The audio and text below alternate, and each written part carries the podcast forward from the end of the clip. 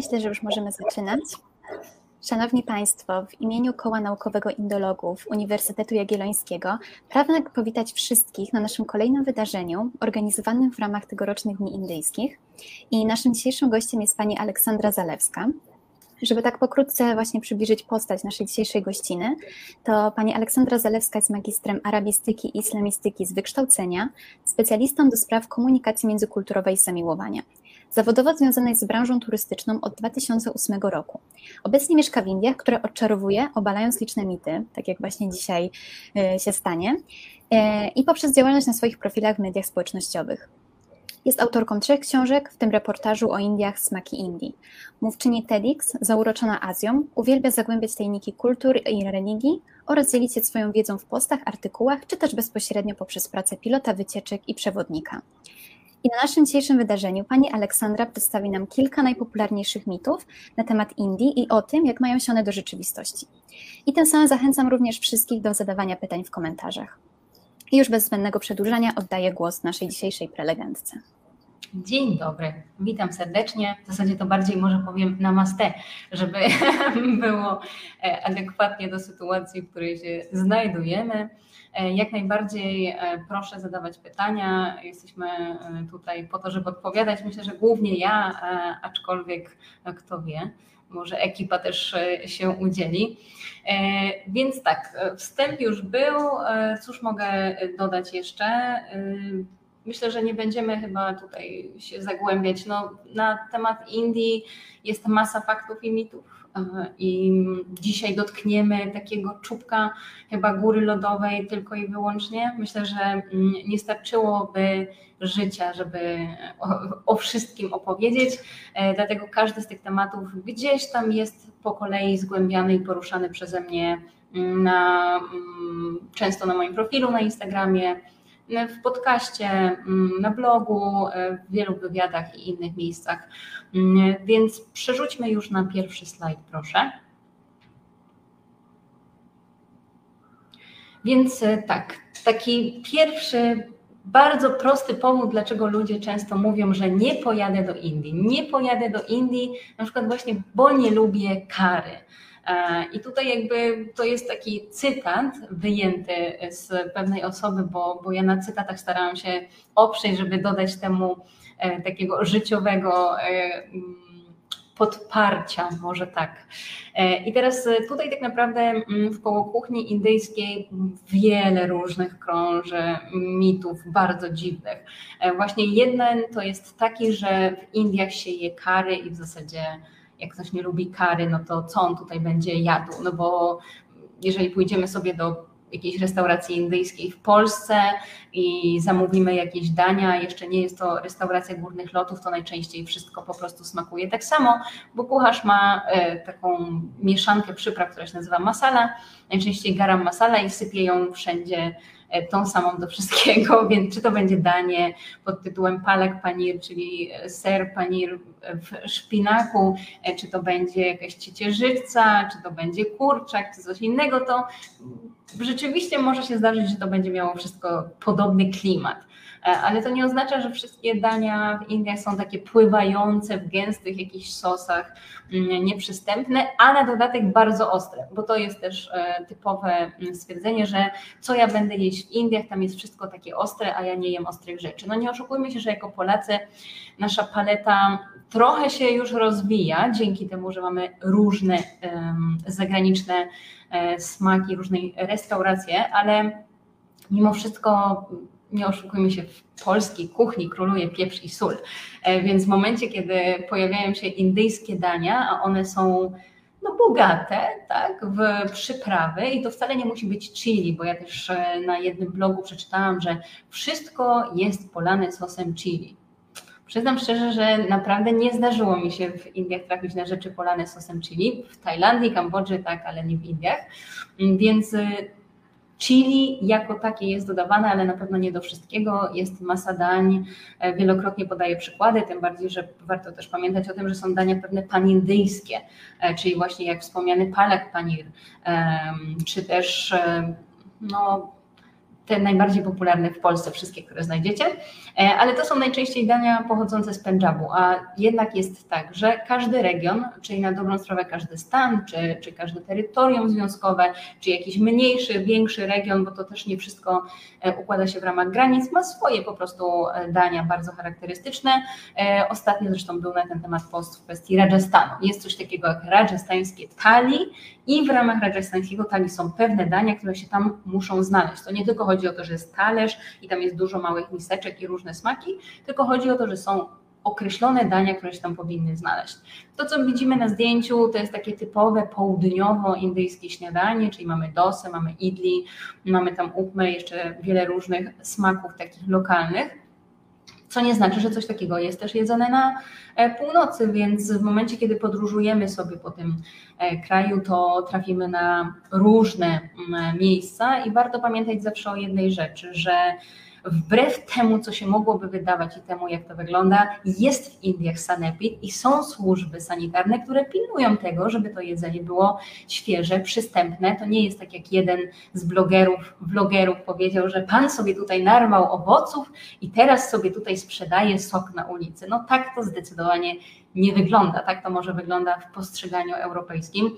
Pan sobie musiał kupić, ewentualnie ma to ze swojej działki jeżeli to sprzedaje, to to musi być świeże, bo po prostu by go zamknęli. Nie mówiąc o tym, żeby splajtował, bo jeżeli jeden klient mu się zatruje, to już nikt więcej tam po prostu nie przyjdzie. Taka logiczna całkiem sprawa. No i też e, jeden mit, e, myślę, związany z kuchnią, e, tym bardziej, że mamy właśnie teraz sezon na mango. I wszyscy, jak jest sezon na mango, przyjeżdżający do Indii mówią, super, będę mógł spróbować mango lassi. No właśnie nie, bo chodzi o to, że mango lassi nie jest typowym napojem w Indiach. Jeżeli przyjedziemy do Indii, i będziemy chcieli spróbować lassi, e, czyli takiego jogurtowego napoju, to tak naprawdę jest sweet lassi albo mm, savory lassi, czyli takie na słodko lassi i na słono lassi, a Mango, ewentualnie robi się szejka z mango, czyli po prostu miksuje się mango z lodem, ewentualnie robi się też amras, czyli coś, co rzeczywiście przypomina mango lassi, ale mango lassi to jest coś, co z kuchni y, indyjskiej trafiło do Wielkiej Brytanii, dopiero z Wielkiej Brytanii do nas, więc nie. Mango lassi trafi się, ale nie jest to coś, co typowo pijemy w Indiach w okresie, kiedy jest sezon na mango. Idźmy dalej.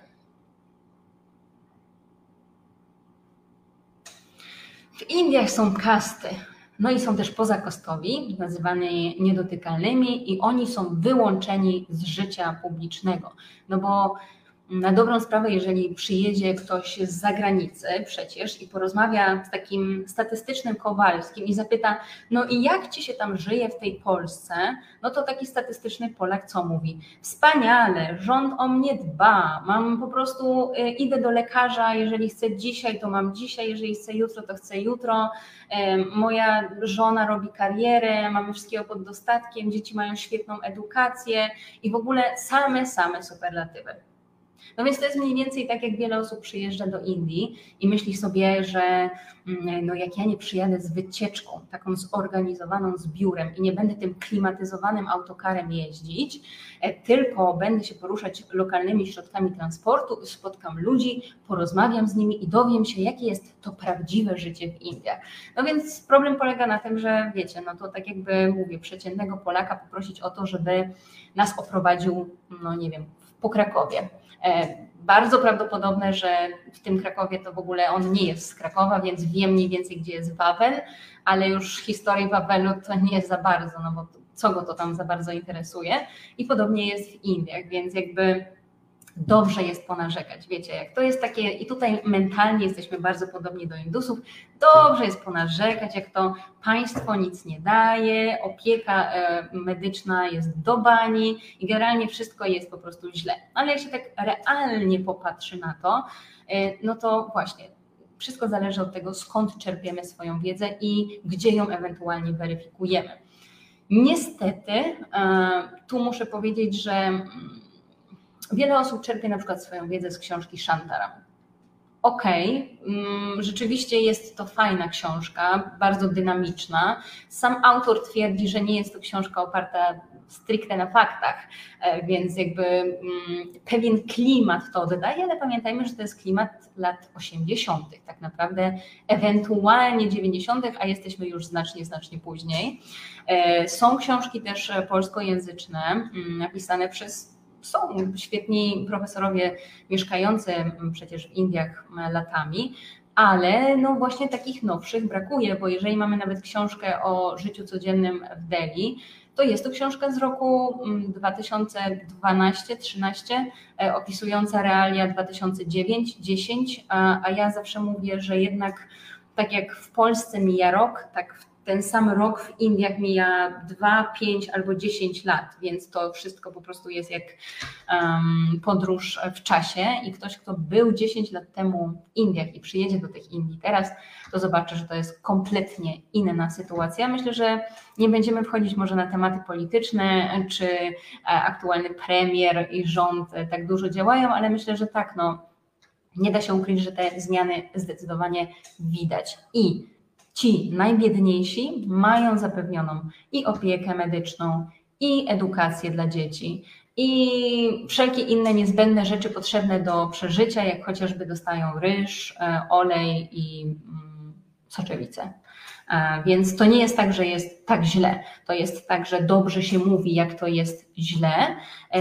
Nie ukrywamy, że jest w Indiach bardzo duży problem, że tak naprawdę szacuje się około 80 milionów osób żyje w biedzie, ale, no ale tak, ale te 80 milionów trzeba statystycznie przeliczyć na e, społeczność Indii, która liczy 1,4 miliarda ponad e, ludzi. E, nie ma tak naprawdę oficjalnie już systemu kastowego wspomnianego tutaj, więc jest to gdzieś z tyłu głowy, tak? To nie jest tak, że e, ten system został całkowicie zapomniany, że dzisiaj wszystkim żyje się dobrze i każdy jest jeden drugiemu równy. Tak zdecydowanie nie jest. Ale to też nie jest tak, że te osoby są wyłączone, że one nie mają tych praw, bo mm, myślę, że nawet jeżeli byśmy się cofnęli do początków tej niepodległości Indii, czyli do 1947 roku, to politycy, którzy się wtedy pojawiali, jak pan Ambedkar, który jest e, odpowiedzialny za sporą część konstytucji e, i który właśnie pochodzi z tej niekasty e, Dalitów, czyli z tych niedotykalnych, i, opro, i opowiada mm, w swoich różnych notatkach biograficznych niestworzone historie, jak to sam przeżył różne traumy. To prawda jest taka, że nie do końca tak to wygląda, bo Ambedkar dotarł tam, gdzie jest właśnie dzięki temu, że Bramini go e, wspierali finansowo bardzo, bardzo mocno. I tak naprawdę tak jest, że nawet e, jeden z ówczesnych obecnych ministrów też pochodzi e, z tej nie kasty niedotykalnych i jest to bardziej kwestia, że jeżeli dany uczeń powiedzmy ma rzeczywiście ambicje, chce, jeżeli ma do tego wspierającą rodzinę i społeczność wokół siebie, to, to się da to wszystko się da. E, oczywiście mm, to też zależy, gdzie pojedziemy i, i to nie jest tak, że mm, trzeba traktować temat zero-jedynkowo, ale mm, jeżeli popatrzymy tak naprawdę, jaką drogę przeszły Indie e, w kwestii chociażby tego analfabetyzmu, bo kiedy Brytyjczycy wychodzili z Indii w 1947 roku, to mniej więcej 17% Indusów potrafiło czytać i pisać. A był to wynik tego, że w Indiach brytyjskich Mm, kwota, która była przeznaczona na edukację od przedszkola do e, studiów dla całej tej wielkiej społeczności, a mówimy tutaj o ogromnym terenie, łącznie z Pakistanem tak naprawdę dzisiejszym, to był to budżet mniejszy niż 50% budżetu przeznaczonego na licea w stanie Nowy Jork w tym czasie. Więc cóż, nie jest łatwo wyjść tak naprawdę z takiej e, otchłani, e, ale, no, ale Indie sobie z tym radzą. Idziemy dalej. Jadąc do Indii, spakuj apteczkę, pościel papier toaletowy. E, więc tak, jeśli poznajemy Indię mm, z punktu widzenia blogerów podróżniczych, którzy często jeżeli popatrzymy na większość e, blogerów podróżniczych, e, to tak, sponsorzy, więc to się musi po prostu sprzedać. To musi być ciekawe, to musi być chwytliwe, e, to musi być barwne, to musi być pokazujące jakąś przygodę. Więc tak, zdecydowanie nie rzucając już nazw żadnych kont określonych, ale niestety większość kont, na które trafiam, osób, które były w Indiach, e, są w Indiach, e, nie są wystarczająco kompetentne do tego, żeby na temat tego, co tutaj się dzieje, wypowiadać. To się trochę łączy z tym, że wielu osobom się wydaje, że Indie są przecież takie tanie. No więc jeżeli ja mam te ten budżet na przykład 2000 zł, to przecież ja tutaj mogę przez rok podróżować. No i tu jest błąd, wielki błąd, e, bo mm, w tej chwili same loty do Indii kosztują około, jeszcze w zależności gdzie się leci, bo mamy bezpośrednie loty do Delhi, do Mumbaiu, e, do pozostałych miast są to loty z przesiadkami, ale około powiedzmy 3000 zł, więc to już jest spora część e, naszego budżetu, żeby tutaj w ogóle dolecieć. No i potem tak na dobrą sprawę mamy tutaj i hostele, i hotele dwu, trzy, cztero, pięciogwiazdkowe, w zasadzie i pięć z plusem, jakby się ktoś uparł, więc wszystko zależy od tego, jak my chcemy spędzić ten czas w tych Indiach i jaki my mamy na ten wyjazd budżet. Więc jeżeli wychodzimy z założenia, że Indie można tylko poznawać tak jak poznają go backpackerzy, bo tutaj nie ma infrastruktury, tutaj w zasadzie nic nie ma, no po prostu trzeba z tym plecakiem przyjechać, tułać się jakimś lokalnym środkiem transportu, e, z tym plecakiem jak najmniejszym, najlepiej wszystko przywieźć, właśnie przywieźć apteczkę, przywieźć pościel i papier toaletowy, bo po prostu w Indiach no jest bieda, bieda, bieda, no nie wiem, nie ma sklepów, no więc są sklepy, wszystko jest. W zasadzie, kiedy ja doradzam mm, moim grupom przyjeżdżającym albo osobom, które gdzieś tam wybierają się ze mną na wycieczki, co spakować, to mówię tak, no weź swoje leki, te niezbędne, te, które bierzesz na swoje ewentualnie jakieś przewlekłe dolegliwości, weź sobie jakieś lekkie ubrania, ale najlepiej takie ubrania, które zasłaniają ramiona i które zasłaniają kolana, bo jeżeli będziemy wchodzić do jakichś świątyń, to jest to niezbędne i weź sobie ładowarkę, paszport i pieniądze. I to jest wszystko. Resztę wszystko można kupić w Indiach, bo na dobrą sprawę właśnie jeszcze kolejny rzut lekkich, fajnych, przewiednych, bawełnianych ciuchów można dostać tutaj. E, papier toaletowy, jeżeli będzie taka potrzeba, no, aczkolwiek uwierzcie mi, że no, no faktycznie jak nie śpimy w jakimś takim budżetowo-budżetowym hostelu na Paharganczu w Delhi, to będzie papier toaletowy. I jeżeli rzeczywiście nasz budżet nie wynosi 5 zł dziennie, to e, jeżeli cokolwiek by się działo i nie jemy. Mm, no właśnie, gdzie jemy? No trzeba patrzeć, gdzie jemy, bo, bo jednak e, kierowanie się zasadą jemy tam, gdzie lokalnie jest ok, e, do momentu, kiedy, mm, kiedy patrzymy, jacy to są lokalni, tak bym to może e, ujęła, bo jednak Indusi lubią bardzo ostre jedzenie, tłuste jedzenie i to może nam niestety zaszkodzić w tym momencie jakieś środki na pewno na dolegliwości żołądkowe się przydadzą, ale nie ma problemu, bo wtedy idziemy do apteki, prosimy lekarza, mm, prosimy aptekarza o to, żeby nam dał jakiś środek i jest na ból głowy, też dostaniemy i wiele, wiele innych, więc ja powiem tylko tak. Nie chciałabym czytać takich wpisów, jak u jednej z blogerek, że udała się e, do slumsów i dwa miała podejścia, żeby, słuchajcie, zrobić zdjęcia bo ile razy przyszła z tym swoim aparatem, oczywiście pewnie pięknie ubrana, wiadomo, no bo trzeba wyglądać, to nie mogła zrobić tych zdjęć w tych slumsach, bo po prostu wszyscy do niej podchodzili i w ogóle chcieli jej dotykać. Także ja bym po prostu radziła, żeby kiedy podróżujemy, włączyć coś takiego, co się nazywa common sense, czyli, czyli taki zdrowy rozsądek. Zdrowy rozsądek po prostu, czyli jeżeli podróżujemy i ewentualnie rzeczywiście będąc na przykład w Mumbai, są części slumsów, które mm, są przewidziane na to, że tam się odbywają wycieczki, bo możemy pojechać rzeczywiście z przewodnikiem lokalnym, który pomoże nam się skomunikować z tą ludnością, gdzie zobaczymy też jak oni żyją, jak oni pracują, ok, ale nie róbmy sobie może wycieczek do dowolnych slumsów na własną rękę, tym bardziej jeżeli jesteśmy mm, samotną kobietą, blondynką ze sprzętem e, takim profesjonalnym, fotograficznym. Idziemy dalej. No właśnie, zamiast korzystać ze służby zdrowia, y, idziemy do apteki. Więc powiem tak, tutaj już w tych mini napisach też jest dodane, bo ja jestem zawsze bardzo zaskoczona tym, skąd w ogóle takie osoby czerpią tą swoją wiedzę na ten temat, bo e, pewnie zapytały kogoś na ulicy i powiedzieli, że ta służba zdrowia, panie, co tam w tej służbie zdrowia się nie dzieje. No, rzeczywiście jest służba zdrowia państwowa, bezpłatna i z niej najczęściej korzystają ci najmniej uprzywilejowani, ci najbiedniejsi, i jest służba zdrowia płatna. Tylko tutaj trzeba jeszcze zważyć na jedną kwestię, że nie ma w Indiach czegoś takiego jak u nas jest ZUS, czyli nie ma obowiązku płacenia państwu miesiąc w miesiąc jakiejś kwoty, niezależnie od tego, czy zarabiamy, czy nie zarabiamy. Serdecznie pozdrawiam jako przedsiębiorca, e, który płaci e, i nie korzysta, a nawet gdyby chciał skorzystać, to i tak nie może, bo terminy są za 7 lat.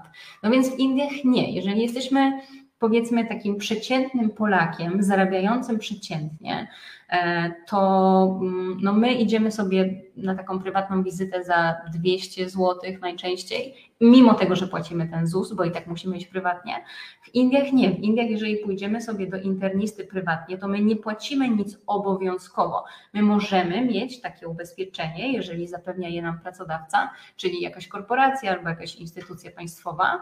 Ewentualnie możemy sobie takie ubezpieczenie wykupić, jeśli mamy taką ochotę. Jeżeli takiego ubezpieczenia nie mamy, no to płacimy wtedy, kiedy korzystamy. Więc średnio wizyta u internisty kosztuje jakieś 50 zł, u specjalisty, w zależności co to jest za specjalista i co potrzebujemy, od 80 zł w górę. I w tym momencie, na dobrą sprawę, jeżeli byśmy sobie odkładali do skarpety to, co płacimy ZUS-owi, to e, spokojnie te pieniądze zostają, bo na dobrą sprawę, nie licząc rzeczywiście tych najmniej uprzywilejowanych, e, no to taki średnio, średniej klasy, średnio zarabiający przeciętny indus jest w stanie gdzieś tam te pieniądze sobie e, odłożyć. I czy ta służba zdrowia jest taka straszna, że nie wiem, trzeba gdzieś uciekać, wyjeżdżać? No właśnie nie. I tu mam um, ciekawy przykład, myślę, bardzo dobry przykład e, od mojej znajomej. E, pozdrawiam. Nie będę może też rzucać imionami, i, ale to mnie, ja byłam naprawdę byłam w szoku, byłam zemocjonowana, jak to usłyszałam, bo właśnie kiedy rozmawiałyśmy na temat tego, czy prowadzimy samochód w Indiach, ona powiedziała, no co ty, nie ma w ogóle takiej opcji. Jak ja przyleciałam do Indii, to była tutaj już grupa moich znajomych z Polski, którzy e, właśnie wybrali się samochodem, słuchaj, z Chennai do e, Podicherry, do Auroville, czyli jesteśmy na południu, w stanie Tamil Nadu. Drogi są nie najgorsze, aczkolwiek oni jechali w nocy i w nocy często te drogi gdzieś tam są nieoświetlone. I przejeżdżając przez jakąś wieś, jechali z jakąś określoną niestety prędkością i na poboczu stał nieoznaczony mm, taki samochód przewożący jakieś belki z drewnem i oni po prostu się w ten samochód wbili. Więc wypadek był to no, na tyle tragiczny, że kiedy przylecieli już lekarze z Polski od ubezpieczyciela, i jakby zobaczyli, usłyszeli, przeczytali wszystko, co było na temat tego wypadku napisane, to powiedzieli, że w zasadzie w Polsce to by ich w ogóle nikt nie ratował, bo, bo tam już nie było co zbierać.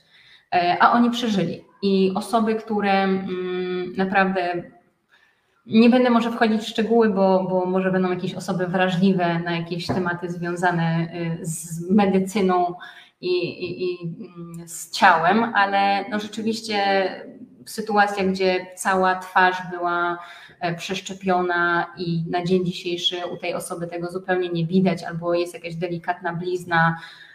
No ja byłam w szoku. Także rzeczywiście indyjscy lekarze, jak widać, stanęli na wysokości zadania. Nie dość, że uratowali im życie, to ci ludzie jakby na dzień dzisiejszy żyją i się mają bardzo dobrze. Więc nie słuchajmy może tego, co tam plotka wiejska niesie, tylko rzeczywiście sprawdzajmy, ja sama osobiście też ze, ze służby zdrowia nieraz korzystałam i nie mam im nic do zarzucenia. Idziemy dalej.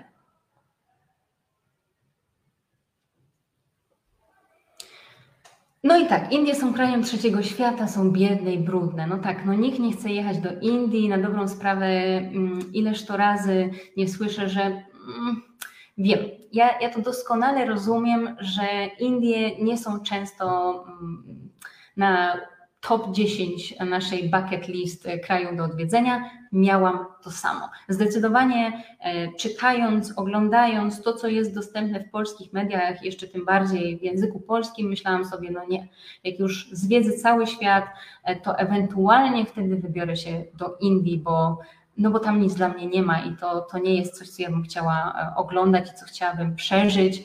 Tam nie będę miała co jeść, tam nie będę miała gdzie spać, tam jest po prostu brudno i biednie i na pewno jak ja to zobaczę, nie będę w stanie tego nawet emocjonalnie udźwignąć. Jak widać, przyjechałam, mieszkam tutaj od 2019 roku, mam się całkiem nieźle. Jak widać, nie jestem e, niedożywiona, mam dom z normalnymi ścianami e, i przyznam szczerze, że, że tak, że właśnie teraz poświęcam sporo czasu na obalaniu tych wszystkich mitów. I tutaj po raz kolejny wracamy tak naprawdę do tematu kiedy, nie wiem, piszę jakieś artykuły, pojawiają się jakieś wywiady gdzieś w sieci i potem widzę komentarze pod nimi. Myślę, że osoby, które piszą te komentarze, przede wszystkim nigdy nie były w Indiach, pisząc je, a po drugie, nawet jeżeli były, to nie wiem co i gdzie e, i jak, ale bardzo im współczuję, bo po prostu zrobiły to nie tak jak trzeba, nie z tym, z kim trzeba, nie stąd, gdzie trzeba, e, czerpały swoje e, informacje, bo no, słyszy się bardzo tragiczne rzeczy i to najgorsze jest to, że właśnie niestety nam brakuje najczęściej informacji na ten temat, jak to się stało.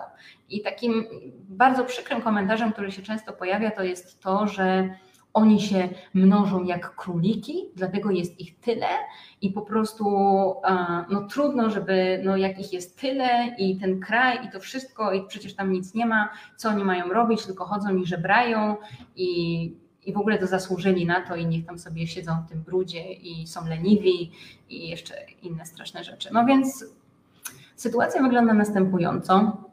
I to, jest, to są dokładnie słowa historyków, że w XVIII wieku e, PKB Indii e, stanowiło 27 PKB e, światowego. W XIX wieku 23% światowego PKB. Tak naprawdę Indie należały do jednych z najbogatszych krajów świata do momentu, kiedy nie pojawili się w Indiach zagraniczni goście. E, najpierw przyjechali Portugalczycy, mm, byli e, Holendrzy, Brytyjczycy w końcu, którzy tak naprawdę przejęli sporą część terenu. Mm, z jednej strony była to kampania wschodnioindyjska, która weszła do Bengalu, z drugiej strony część terenu została przejęta w ramach różnych historycznych e, ślubów. Ale nie wchodząc w takie nudne jakieś daty i, i nazwiska, mm, powiedzmy sobie szczerze, przez te lata od momentu, kiedy pojawili się okupanci, tak naprawdę, bo przyszli tutaj jako goście, zostali zaproszeni do tego, żeby um, utrzymywać stosunki handlowe z Indiami, e, po prostu ten kraj zrujnowali. I właśnie Bengal jest idealnym przykładem na to, gdzie to był najbogatszy ze wszystkich stanów, gdzie no, kwitła sztuka i um, gdzie była masa tak naprawdę wszelkiego typu, Indie są bardzo znane z tekstyliów swoich, więc tekstylia i takie bardzo zdobne, nawet w wielu kronikach można znaleźć e, potwierdzenie tego, że tekstylia indyjskie były znane w Rzymie, bo w Rzymie kobiety preferowały indyjskie tekstylia. Więc wiecie, to nie jest tak, że Indie My ich nie znamy, bo nas się o Indiach po prostu w szkole nie uczy, bo Indie są gdzieś za daleko poza naszym e, spektrum patrzenia. Ale problem polega na tym, że Indie mają bardzo długą historię, e, przynajmniej od 3,5 tysiąca lat przed naszą erą. Ja to zawsze powtarzam, bo może jeszcze niektórzy nie słyszeli, że były takie miasta jak Mohenjo-Daro, e, gdzie była kanalizacja, domy murowane z łazienkami i tak naprawdę oni byli dużo, dużo przed nami i bardzo świetnie się rozwijali, więc jeżeli ktoś mówi, że Indie to są takie cywilizacyjnie zacofane, to, no, to wystarczy je porównać z tym, co się działo w Polsce e, jeszcze nie tak dawno. I myślę, że ten, kto tak twierdzi, jest cywilizacyjnie niestety zacofany, bo po prostu nie posiada odpowiedniej wiedzy, żeby na ten temat się wypowiadać, więc cóż, e, gdyby nie było w Indiach mm, Brytyjczyków, myślę, że sytuacja by wyglądała totalnie inaczej, bo jak wspomniałam, kiedy opuszczali ten kraj, tak naprawdę ten półwysep, powiedzmy sobie, bo to nie chodzi o jeden kraj, nie było czegoś takiego jak Indie,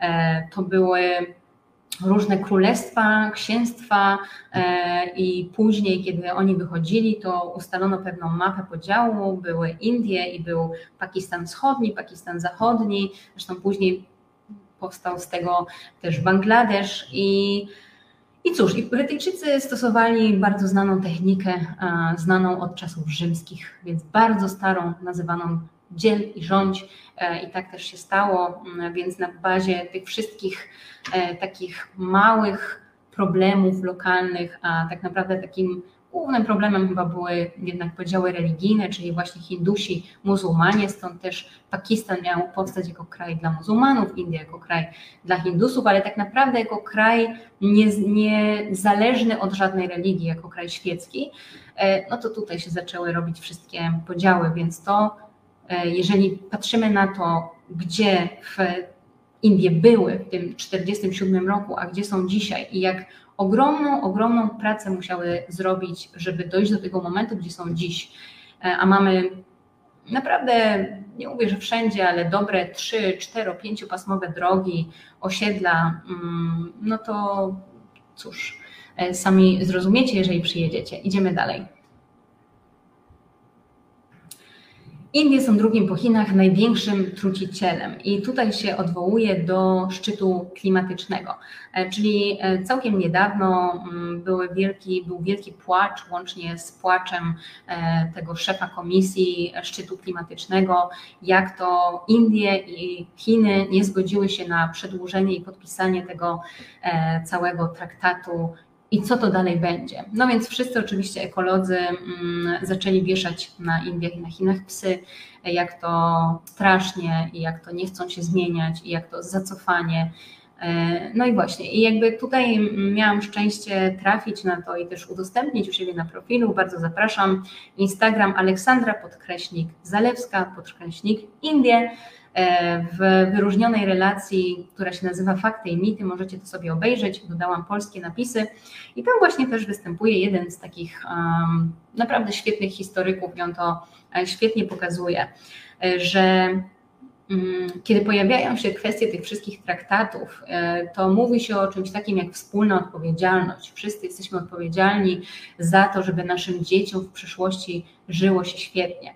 Tylko, że mm, najgłośniej na tych wszystkich e, zgromadzeniach wypowiadają się właśnie e, osoby będące głowami państw, które kiedyś były nikim innym jak potęgami kolonialnymi czyli Francja, e, czyli właśnie Wielka Brytania, czyli Stany Zjednoczone. I teraz on mówi bardzo prosto. Zobaczcie, jak popatrzymy na dane statystyczne, to tak naprawdę Amerykanie, czyli Stany Zjednoczone, korzystają z 25% zasobów światowych. I to działa w bardzo prosty sposób, e, czyli w sposób taki, że zaczęło się już w momencie, kiedy Brytyjczycy e, tworzyli mm, cały system gospodarczy w Indiach i uzależnili Indie od węgla. I Teraz wydaje się, że jak to też jeden z innych historyk świetnie ujął, że mówi się, że Indie przegapiły autobus um, tej um, rewolucji, um, Industrial Revolution, rewolucji przemysłowej tylko, że on to świetnie określił w taki sposób, że dlatego, że Indie zostały rzucane po prostu pod koła tego autobusu. Czyli ciężko e, oczekiwać od kraju, który uzyskał swoją niepodległość tak naprawdę e, ledwo co i którego cała gospodarka została zrujnowana, wszystkie surowce, wszystkie skarby, łącznie z największym skarbem, jakim jest Kohinoor, będący obecnie w koronie królowej brytyjskiej, żeby nagle oni wzięli się i od tak, nie mając pieniędzy, to wszystko odbudowali, bo prawda jest taka, że e, do dnia dzisiejszego Brytyjczycy winni są jakieś 45 trylionów dolarów amerykańskich Indiom. Tylko nikt nie mówi o spłacie tego długu, tylko wszyscy mówią o tym, że teraz przychodzi, nie wiem, jakaś instytucja pod tytułem Bank Światowy i pożycza pieniądze biednym Indią, krajowi trzeci, krajom trzeciego świata na to, żeby one mogły, nie wiem, zrobić jakąś rewolucję przemysłową nagle. Tylko, że no właśnie, to jest tak, że te pieniądze są pożyczane, a tak naprawdę to są pieniądze, które się tym ludziom po prostu należą, to są ich pieniądze.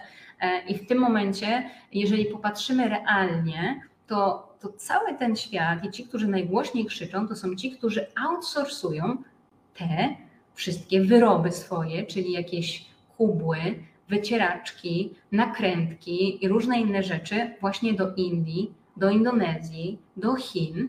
Czyli chcemy jak najmniej płacić, chcemy, żeby ktoś to za nas robił, żeby u nas było czysto, żebyśmy mogli zamykać te fabryki i spodziewamy się, że, że te kraje będą to robiły, ale jednocześnie, że ograniczą, e, wiecie, użycie węgla. No to jest wszystko bardzo mocno takie. Mm, jakby to powiedzieć, ironiczny. Może tak, taka wielka ironia losu, że ktoś coś takiego wytyka. I teraz, jeżeli popatrzymy realnie na dane, które tam są, czyli jest powiedziane, Indie są, e, Chiny są na pierwszym miejscu, Indie są na drugim miejscu pod kątem e, tego, jak dużo tego węgla się spala.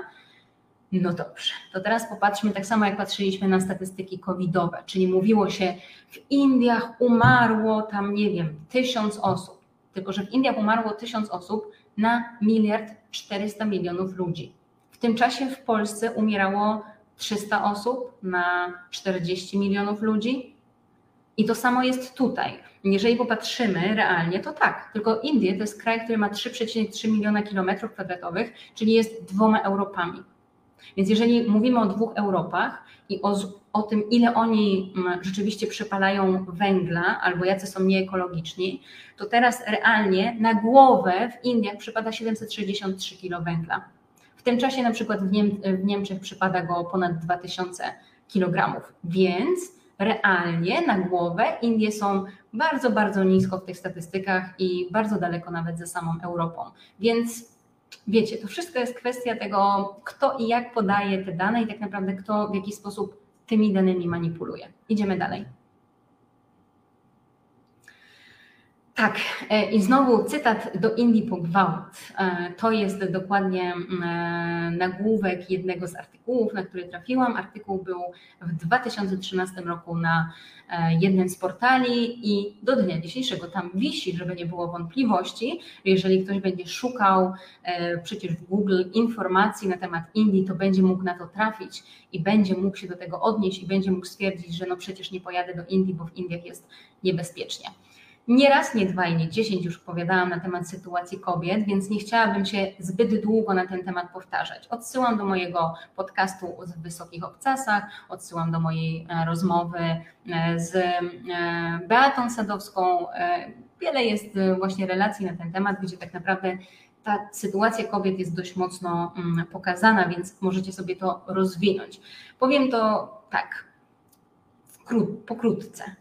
E, żeby może nie przedłużać, bo już widzę, że już i tak jesteśmy, e, i tak już 40 minut tutaj jesteśmy online, a, a jeszcze trochę przed nami. Mm, jeżeli popatrzymy realnie na znowu na statystyki, e, to tak naprawdę oczywiście tych, tej, tej przemocy seksualnej szeroko pojętej w Indiach jest więcej jako kraju niż, nie wiem, w Polsce, w Omanie czy w Stanach Zjednoczonych. Tylko znowu, teraz musimy sobie te statystyki przeliczyć na ilość mieszkańców na powierzchnię kraju i wtedy okazuje się, że Indie nie są nawet w pierwszej dziesiątce. Więc tak naprawdę my patrzymy cały czas na Indię jako na taki jeden monolit. I to jest naj, największy i najśmieszniejszy przykład, to jest mm, powtarzające się pytanie, Ola, kiedy przyjechać do Indii? Kiedy jest pogoda, żeby przyjechać do Indii? Ja już po prostu tylko zawsze tak zwieszam głowę na zasadzie, no ale gdzie?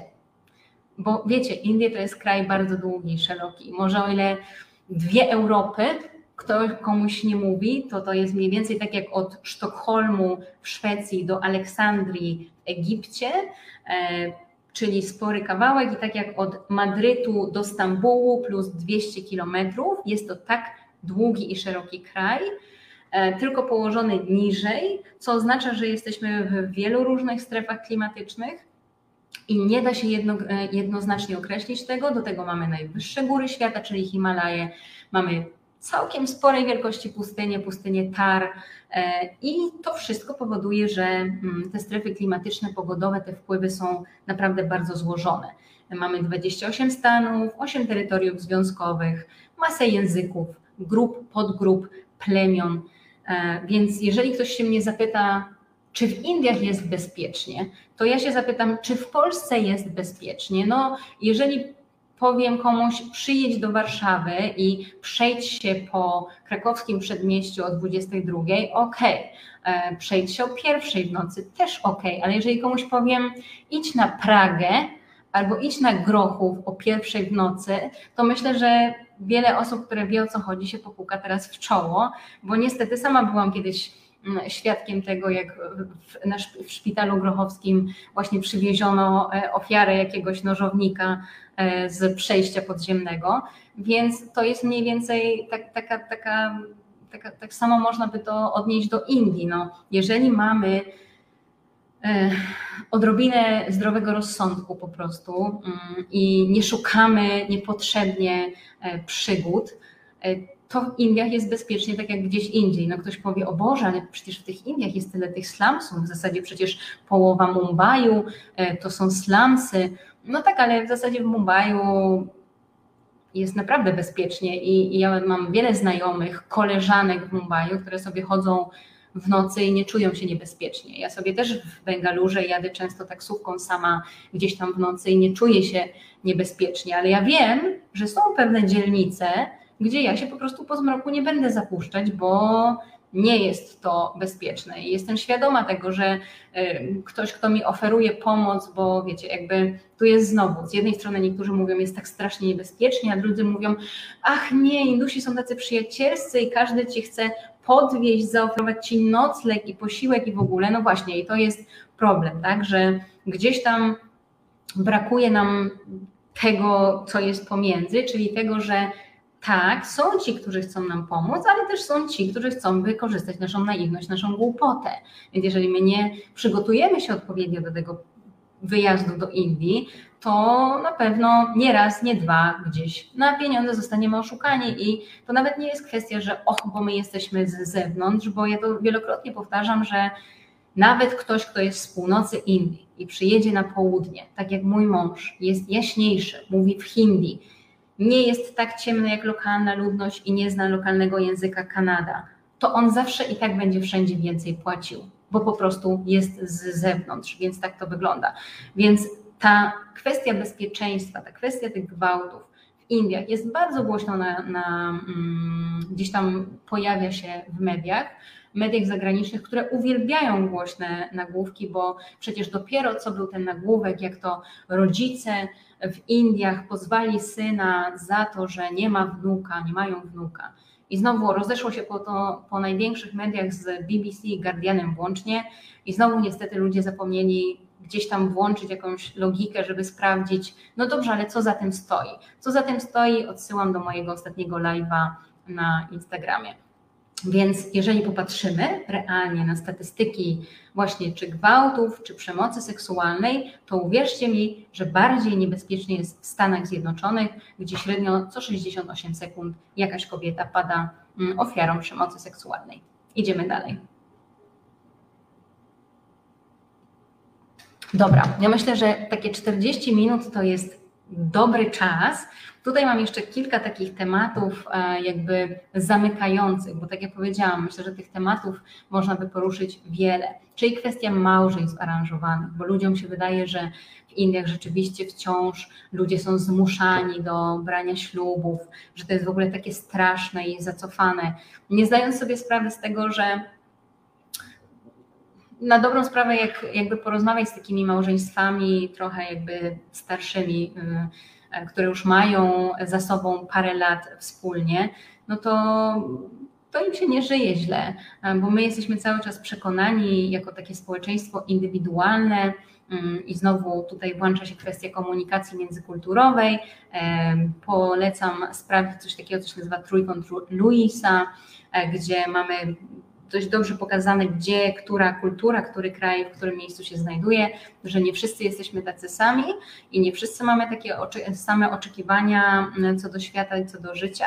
E, I co za tym idzie, e, jakby tutaj tak naprawdę mm, myślę, że dobry przykład to jest mm, procent e, rozwodów w Indiach, czyli myślę, że najnowszych statystyk może nie znam, ale około 1-2% jest rozwodów. Oczywiście to jest też wynik tego, że w Indiach jest trudno o rozwód, co nie zmienia faktu, że mam znajomych, którzy są rozwiedzeni, ale to jest też kwestia tego, że nam się wydaje, jak to wiecie, mm, małżeństwo to powinien być taki poryw serca e, i często ten poryw serca kończy się szybciej niż mm, przechodzą różne inne kwestie związane ze życiem codziennym, bo tak naprawdę okazuje się, że wielka miłość to jest jedna rzecz, ale jakieś takie podstawowe kwestie, jak właśnie to, gdzie jesteśmy wychowani, jak jesteśmy wychowani, jakie mamy wykształcenie, w jakich kręgach znajomych się obracamy, to bardzo wpływa na to, czy takie małżeństwo ma szansę powodzenia i Indusi to dobrze wiedzą,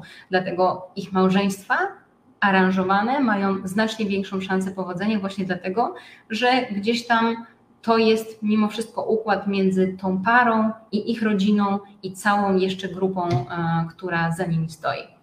E, tutaj też kwestia, wszyscy Hindusi palą zwłoki. E, to jest coś, co gdybyście zapytali przeciętnego, no na przykład będąc w Delhi, zapytacie sobie jakiegoś spotkanego mm, Indusa, e, ty, a jak u was się robi pogrzeby? To on powie, wszyscy Indusi palą zwłoki. No i to jest wielki błąd, bo uwierzcie mi, że nawet moi bardzo dobrze wykształceni znajomi z północy są o tym święcie przekonani i dopiero oświecam ich, że tak, niestety nie jest, bo na południu, e, a południe zawsze było nieco niezależne od, tej indo, od tych indoaryjskich wpływów północy.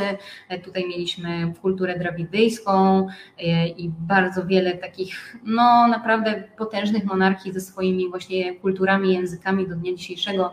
Tamilowie, czy nawet tak jak w Kerali mamy język Malayalam, czy tutaj mamy w Karnatace Kanada, to są grupy, które no, bardzo mocno czują swoją mm, niezależność. I to się właśnie też przekłada na obyczaje, takie jak obyczaje właśnie pogrzebowe. Więc jak najbardziej na południu Indii pogrzeby są, mm, są czyli po prostu tych e, zmarłych naszych chowamy. Na dobrą sprawę, nawet jeżeli nie dotrzecie tutaj, chociaż bardzo polecam, będziecie w Mumbai. E, przejeżdżając przez Mumbai jest takie miejsce mm, całkiem niedaleko od tego nowego, pięknego mostu, gdzie właśnie mamy cmentarz chrześcijański obok muzułmańskiego, obok żydowskiego i obok właśnie hinduskiego.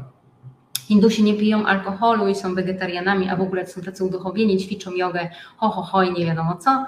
E, tak, no to, to też są e, mity. E, tutaj znowu odsyłam do, do wyróżnionych relacji. Piją alkohol, sporo tego alkoholu piją i nawet to, że był 300% narzut na mm, tych wszystkich alkoholach, no bo rząd jakby nie chciałby, żeby obywatele pili, wcale nie przeszkadza im w piciu. Wegetarianami realnie jakieś 30%, jogę praktykuje tak raz w miesiącu jakieś 7%. E, Indie są niebezpieczne, tak, no oczywiście to jakby wracamy do tego, co już zostało powiedziane, Indie są niebezpieczne, no bo przez to, że jest ta bieda, przez to, że wiecie, to wszyscy tutaj chcą nas po prostu mm, wykorzystać na każdy możliwy e, sposób, więc jest tak po prostu niebezpiecznie. Ja myślę, że ja mam zawsze taką jedną radę.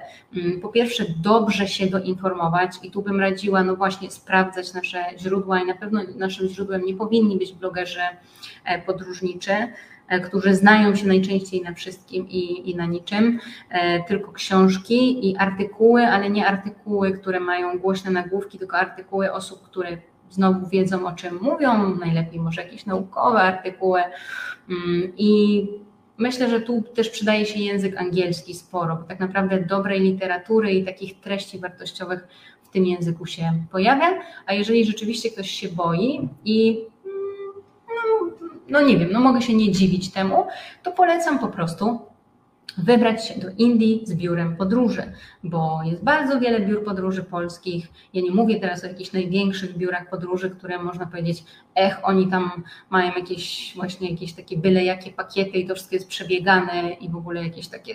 Jest naprawdę, ja współpracuję z wieloma biurami podróży, które mają dłuższe, krótsze, północ, południe, co tam komu potrzeba i można też poprosić o pakiet jakiś dla siebie e, i zwiedzić sobie po swojemu, ale mieć jakiegoś właśnie lokalnego przewodnika, który tak nam tą trochę kulturę lokalną z tego polskiego na nasze przetłumaczy.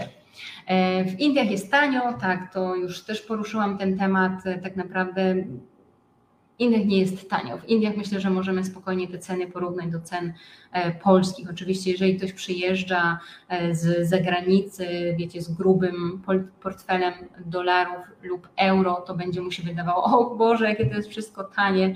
Ale życie, mm, jeżeli patrzymy na zarobki w stosunku do wydatków, są całkiem podobne do tego, co jest w Polsce. I zawsze warto pamiętać o tym, że można tanio, ale zawsze cena przekłada się na jakość. Więc jeżeli chcemy naprawdę wyjechać z Indii i dobrze je mm, poznać, to nie znaczy, że musimy spać w hostelu i jeść za dwa złote na ulicy i wiecie, e, włóczyć się po jakichś najobskurniejszych miejscach, bo Indie są ogromne, bardzo różnorodne, mają bardzo wiele do e, zaoferowania i hotele pięciogwiazdkowe też są dla ludzi. No i właśnie, Indie to kraj kontrastów, tak? Czyli na dobrą sprawę powtarzający się w 90% artykułów i książek e, wstęp. Indie można kochać albo nienawidzić. E, no, myślę, że Indie można po prostu lubić. Ja Indie po prostu lubię. Ja ich nie kocham jakoś szczególnie. Uważam, że mają swoje plusy i minusy, jak każdy inny kraj. Jest są rzeczy, które mnie denerwują, tak jak to, że mi się włącza i wyłącza po prostu prąd w ciągu dnia, e, albo że jest ruch drogowy taki, a nie inny i wiecznie wszyscy trąbią, e, ale można po prostu je lubić i naprawdę jest wiele osób, które po prostu je lubi, toleruje takimi, jakimi są, uważa je, że jest to kraj jak każdy inny na świecie, po którym można fajnie podróżować, fajne rzeczy zobaczyć. E, do tego można normalnie tutaj wygodnie żyć i mieć fajne życie, i no właśnie, i tak naprawdę to się przekłada tak samo na życie Indusów, no bo znowu 1,4 miliarda, 80 milionów jest w biedzie, no jest tu sporo milionerów i miliarderów, ale to nie znaczy, że są tylko lepianki albo pałace, tylko większość społeczeństwa żyje sobie w tak zwanej klasie średniej, czyli tak jak my, tak jak większość nas, czyli po prostu normalnie pracuje, normalnie zarabia, robi zakupy w sklepach, hipermarketach, e, wychodzi do restauracji, spotyka się ze znajomymi, chodzi do kina, e, kupuje w tym kinie popcorn i różne inne małe przyjemności. To z grubsza tyle ode mnie, myślę, na ten temat. Dziękuję bardzo za uwagę. Jeżeli są jakieś pytania, komentarze, to bardzo proszę. O, witam, dzień dobry, witam, witam. Co zaskoczyło Pani najbardziej podczas pierwszej wizyty w Indiach? Co mnie zaskoczyło? No właśnie to, że Indie nie są takie, jak się je ogląda w telewizji. To był największy szok.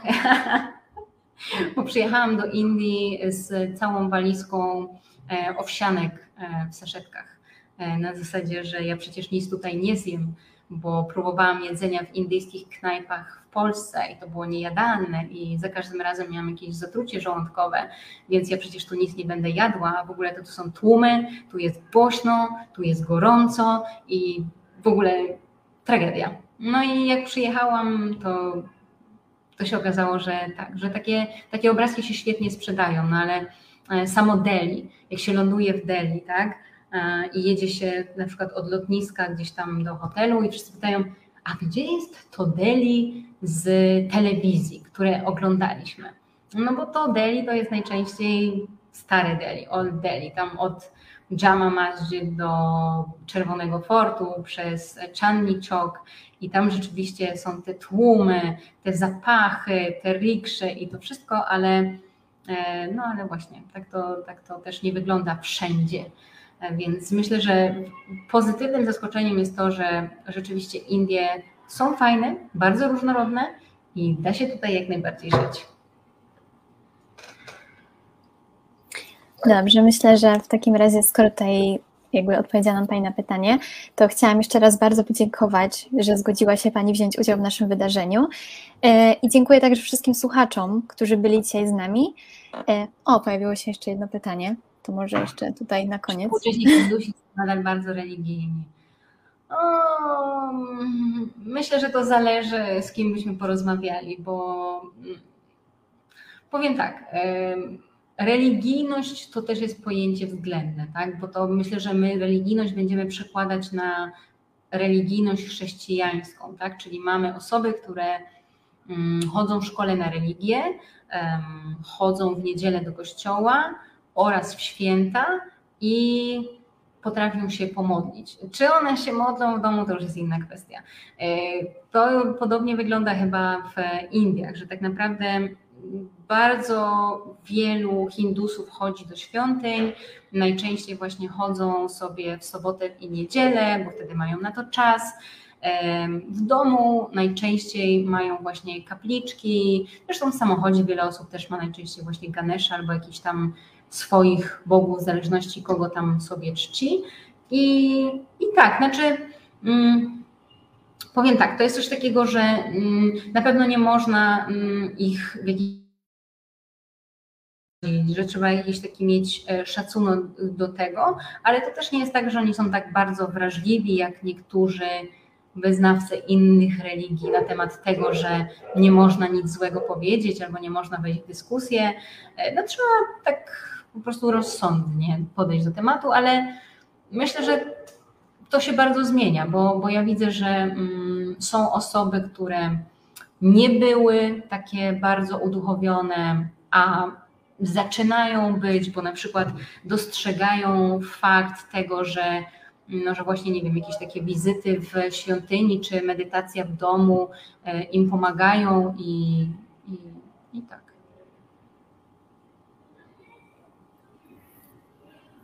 Myślę, że teraz już chyba ostateczna ilość pytań się pojawiła. Nie wiem, czy ktoś jeszcze coś chciałby się dowiedzieć. Do kontaktu w, prywatnie w wiadomościach, prywatnie mhm. na Instagramie czy gdziekolwiek. O, jeszcze jedno pytanie, ostatnie. Zachowań warto unikać, co może być uznane za niestosowne. E, no na pewno wejść, e, trzeba unikać e, wchodzenia gdzieś w butach, czyli ani nikomu nie wchodzimy do domu w butach, ani też nie wchodzimy do świątyni w butach. Generalnie to jest w Indiach, to jest w ogóle w Azji. Przepraszam za dźwięki w tle. To jest, ja zawsze mówię, to jest urok mieszkania w Indiach, tu nigdy nie ma ciszy. Więc trzeba zdecydowanie ściągać buty, żeby jakby okazać e, szacunek wchodząc do danego miejsca.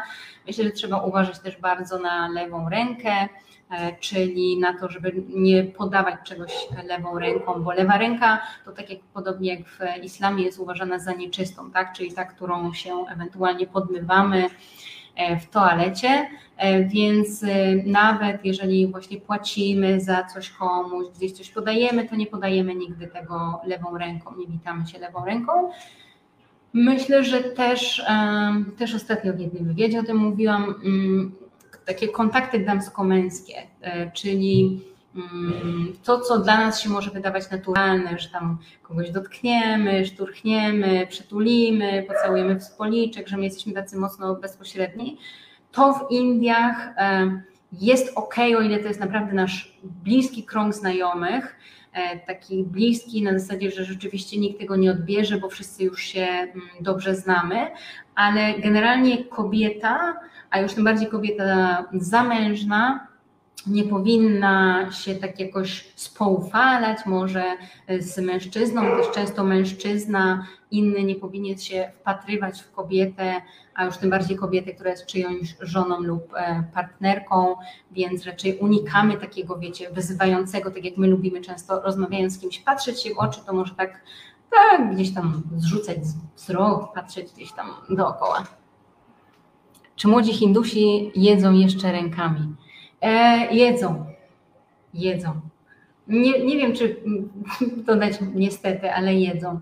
E, to jest, to jest bardzo zależne od tego, mm, nie tyle jakie to jest pokolenie, tylko skąd ktoś pochodzi. I to jest bardzo wygodne po prostu, bo mm, sami oni uważają, że jedzenie zupełnie inaczej smakuje w momencie, się, kiedy je się tymi rękami.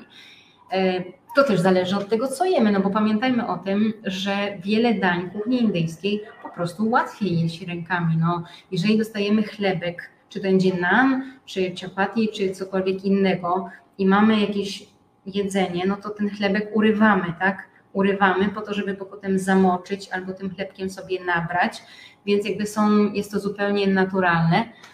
Mm, oni potrafią bardzo, tak, zdecydowanie bardzo elegancko jeść i, i oni najczęściej też właśnie ryż i te wszystkie rzeczy, oni tak sobie to potrafią tutaj wymieszać i w ogóle, że, że im to nie leci.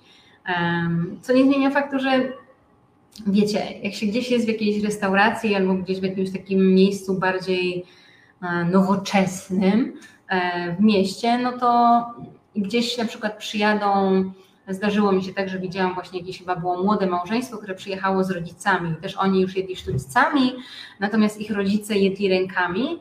No to wiecie, generalnie wszyscy tak rzucają kątem oka takie spojrzenia na zasadzie mm -hmm, przyjechali ze wsi.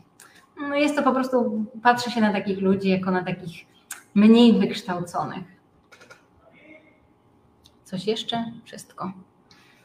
Dobrze. Myślę, że chyba już wszystko, więc e, chciałam jeszcze raz właśnie podziękować za to, że zgodziła się Pani e, uczestniczyć w naszym dzisiejszym wydarzeniu e, i dziękuję właśnie słuchaczom za to, że byli z nami, za wszelkie pytania i zapraszam do udziału w reszcie naszych wydarzeń w ramach Dni Indyjskich i do zobaczenia. Zapraszam, zapraszam do kontaktu, do zobaczenia. Nie powiem namaste, bo się nie powinno mówić namaste na koniec. Do widzenia.